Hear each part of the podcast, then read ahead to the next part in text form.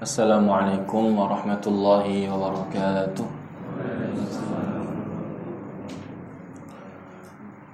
إن الحمد لله نحمده ونستعينه ونستغفره ونعوذ بالله من شرور أنفسنا ومن سيئات أعمالنا من يهده الله فلا مضل له ومن يضل فلا هادي له أشهد أن لا إله إلا الله وحده لا شريك له وأشهد أن محمدا عبده ورسوله قال الله تعالى يا أيها الذين آمنوا اتقوا الله حق تقاته ولا تموتن إلا وأنتم مسلمون أما بعد معاشر المسلمين رحمنا رحمكم الله الحمد لله senantiasa kita memuji Allah Subhanahu wa taala atas limpahan dan karunia-Nya. Tak lupa kami mengingatkan untuk banyak-banyak mensyukuri nikmatnya dan memperbanyak istighfar atas kesalahan dan dosa-dosa yang telah kita lakukan. Salawat dan salam senantiasa tercurahkan kepada Nabi kita Muhammad sallallahu alaihi wasallam kepada beliau, keluarga beliau dan siapa pun yang mengikuti jejak beliau hingga hari kiamat kelak. Ma'asyar muslimin, Bapak dan Ibu sekalian yang saya muliakan dan saya hormati, kita memasuki pada bab al-khawfu minasyirki, bab takut dari perbuatan syirik. Bab takut dari dosa syirik. Sebelumnya telah kita pelajari pada bab-bab keutamaan tauhid dan tauhid dapat menghapus dosa-dosa yang telah lalu dan juga barang siapa yang mewujudkan tauhid maka dia masuk surga tanpa hisab wala adab.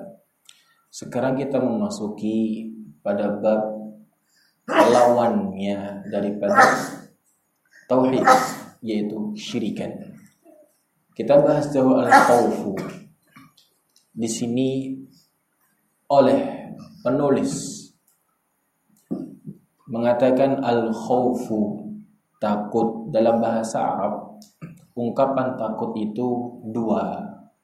Ada al-khawfu ada al-khasyah sekalipun maknanya sama tapi hakikatnya berbeda.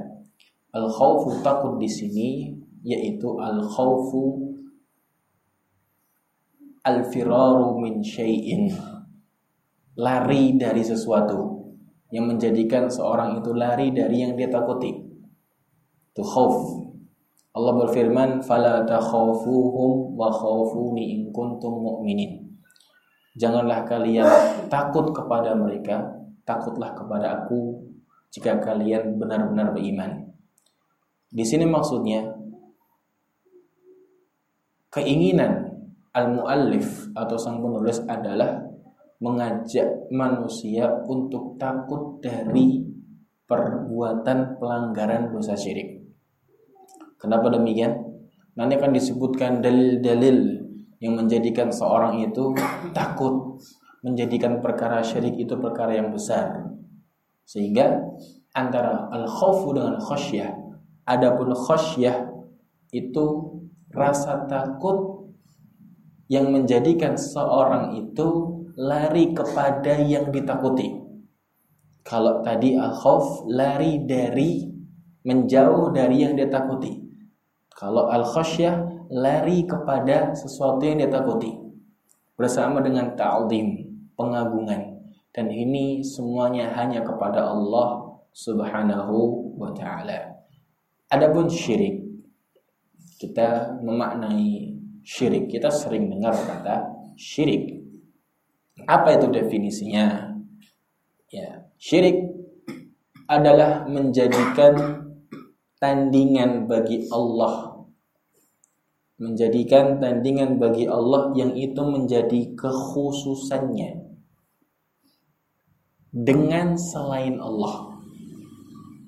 Itu definisi syirik. Yaitu menyekutukan Allah dengan segala ibadahnya. Sehingga kita bisa tarik kesimpulan bahwa standar minimal dikatakan perbuatan itu syirik apa? Seseorang dia menyembah Allah, meminta kepada Allah, tapi di sisi lain dia juga meminta kepada selain Allah. Baik itu malaikat, baik itu kepada nabi, baik kepada orang soleh, sama saja itu perbuatan syirik. Justru malah lebih bahaya kalau obyeknya itu adalah orang-orang soleh dan para nabi. Karena orang yang demikian menganggap itu baik nggak ada kok berbuat syirik itu kepada sosok yang jelek, yang fasik. Ya nggak ada. Mereka tahu ini nggak bagus. Ya, tapi kepada orang soleh yang sudah mati, mereka anggapnya sebagai wasilah. Mereka nggak mengatakan itu syirik, tapi wasilah. Saya perantara kok. Hanya meminta innam yuqarribuna ilallahi zulfa. Mereka itu kalau ditanya Kenapa kamu sujud kepada orang-orang soleh? Keliling kepada orang-orang kuburan orang-orang soleh, meminta. Mereka tidak pernah mengatakan saya nggak minta langsung, tapi saya minta hajat saya disampaikan melalui orang soleh yang sudah meninggal. Itu sama saja. Kenapa demikian? Karena hal itu tidak bisa dilakukan oleh sosok manusia yang sudah meninggal dunia. Bahkan mereka tidak mendengarkan apa yang kita inginkan, hajat kita mereka nggak mendengarkan, apalagi melihatnya, apalagi ingin menyampaikannya. Maka definisi paling instan dan minimalnya perbuatan syirik adalah seorang sholat, seorang menyembah, seorang haji, seorang sedekah, tapi di sisi lain dia juga mendatangi kuburan orang-orang soleh untuk meminta kepada mereka. Hmm. Maka bisa difahami ini perbuatan syirik. Terlebih lagi apabila hal itu lebih besar kepada selain Allah ketimbang kepada Allah. Dan nantinya juga ada pembahasan ada syirkul mahabbah, syirik cinta. Ya, kecintaan seorang itu bisa menjadikan seorang terjerumus ke dalam kesyirikan. Nanti kan kita bahas.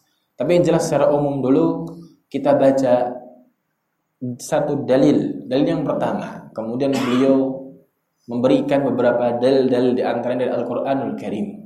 Ini merupakan adab jamaah sekalian, adab dalam beristidlal, berdalil, adab dalam munakosyah, adab dalam menulis. Apabila kita mencari argumen carilah argumen didahulukan dengan Al-Quran dahulu jangan kata ustadz jangan kata syekh itu tidak sopan. Ya oh itu kata ustadz fulan. Kata syekh fulan enggak kata Allah kemudian kata rasulnya kok ada kata sahabat? Kata sahabat baru kata para ulama. Itu adab dalam berdalil. Maka tidak pas kalau kita mengatakan sebuah hukum kemudian dalilnya kata ustaz itu bukan dalil. Seorang perkataan seorang ustaz bukan dalil. Seorang perkataan syekh itu bukan dalil ya karena apa? Karena mereka bisa jadi salah bisa jadi benar. Perkataan Imam Malik rahimahullah ketika melihat atau melewati sebuah kuburan itu kepada Nabi Muhammad sallallahu alaihi wasallam kullu qaulin yuqbalu wa yurad illa qaula ila qalallah wa qala sahibu hadzal qabr semua ucapan itu bisa diterima bisa ditolak kecuali perkataan Allah dan perkataan pemilik kuburan ini yaitu Muhammad sallallahu alaihi wasallam sehingga dalam beradab dalam berdalil berargumenlah carilah Al-Quran dahulu. Kalau tidak ada dalam hadis Nabi SAW, kalau nggak ada ijma para ulama, para sahabat, kalau nggak ada para ulama yang muktabar, begitu seterusnya. Jangan diawali dengan kata Ustaz atau kata Syekh. Ini kurang sopan. Ada dalil yang lebih tinggi yaitu Allah Subhanahu wa taala. Beliau mengatakan Allah Subhanahu wa taala berfirman di dalam surat An-Nisa ayat 48. Dalam surat An-Nisa ayat 48 bisa disimak, bisa diamati. Yang bawa HP bisa dilihat Al-Qur'annya, bisa dilihat terjemahnya. Yang kita manfaatkan gadget kita. Ya, jangan buat WA-an sama Facebookan aja. Di situ ada Al-Qur'an, ada aplikasi yang bagus-bagus yang baik-baik bisa kita manfaatkan. Allah berfirman, "Innallaha la yaghfiru ayyushraka bihi wa yaghfiru ma duna dzalika liman yasha." Wa may yushrik billahi faqad iftara itsman 'azima. An-Nisa ayat 48. Yang pertama menjelaskan bahwa Allah menegaskan Allah tidak akan mengampuni dosa syirik. Innallaha sungguh Allah la yaghfir tidak mengampuni dosa perbuatan syirik. Apa itu syirik? Tadi apa? Menjadikan tandingan sesuatu yang menjadi kekosongan Allah kepada selainnya dengan selain Allah itu makhluknya. Maka barang siapa yang menyekutukan Allah, Allah enggak ampuni. Wa ma duna tapi Allah mengampuni dosa di bawah dosa syirik. Berarti menunjukkan dosa yang paling besar adalah dosa syirik. Ya.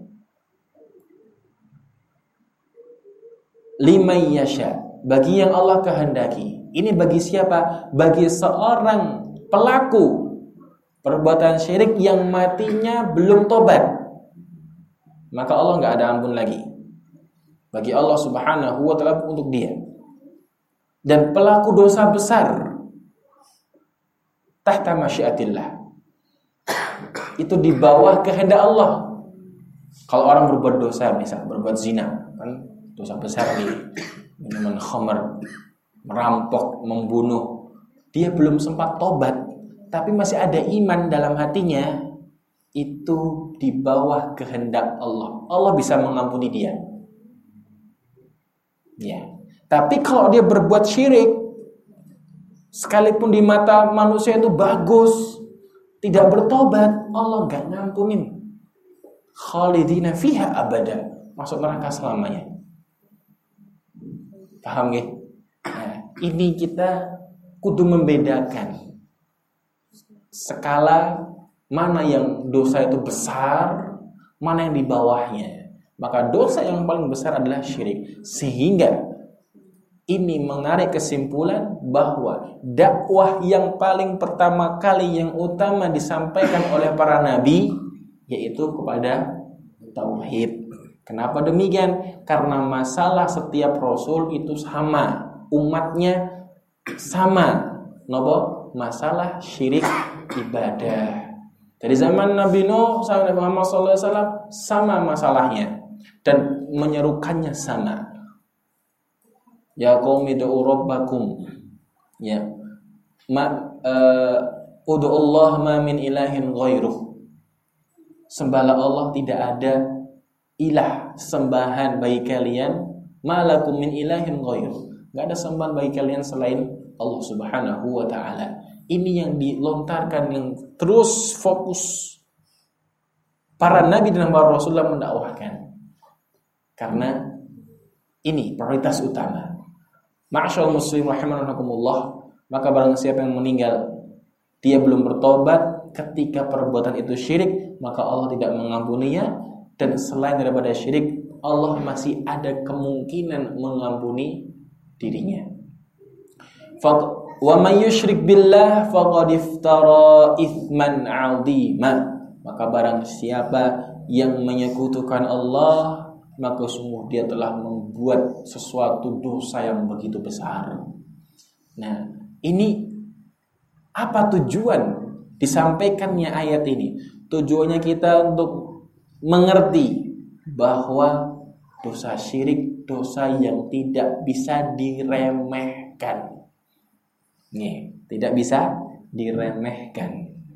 Jangan sampai kita ini mikir yang baik-baik aja amal soleh aja tapi tidak kita tidak perhatian penghapus amal soleh penghapus seluruh amal soleh itu nopo syirik dari awal sampai akhir ketika dia nggak mau bertobat maka terhapuskan sia-sia apa amal solehnya. Sehingga Islam itu mengajarkan apa? Ideal keseimbangan. Ia mengajak kepada kebaikan ya apa? Memberikan warning hati-hati dari perbuatan-perbuatan yang dapat menghapus kebaikannya.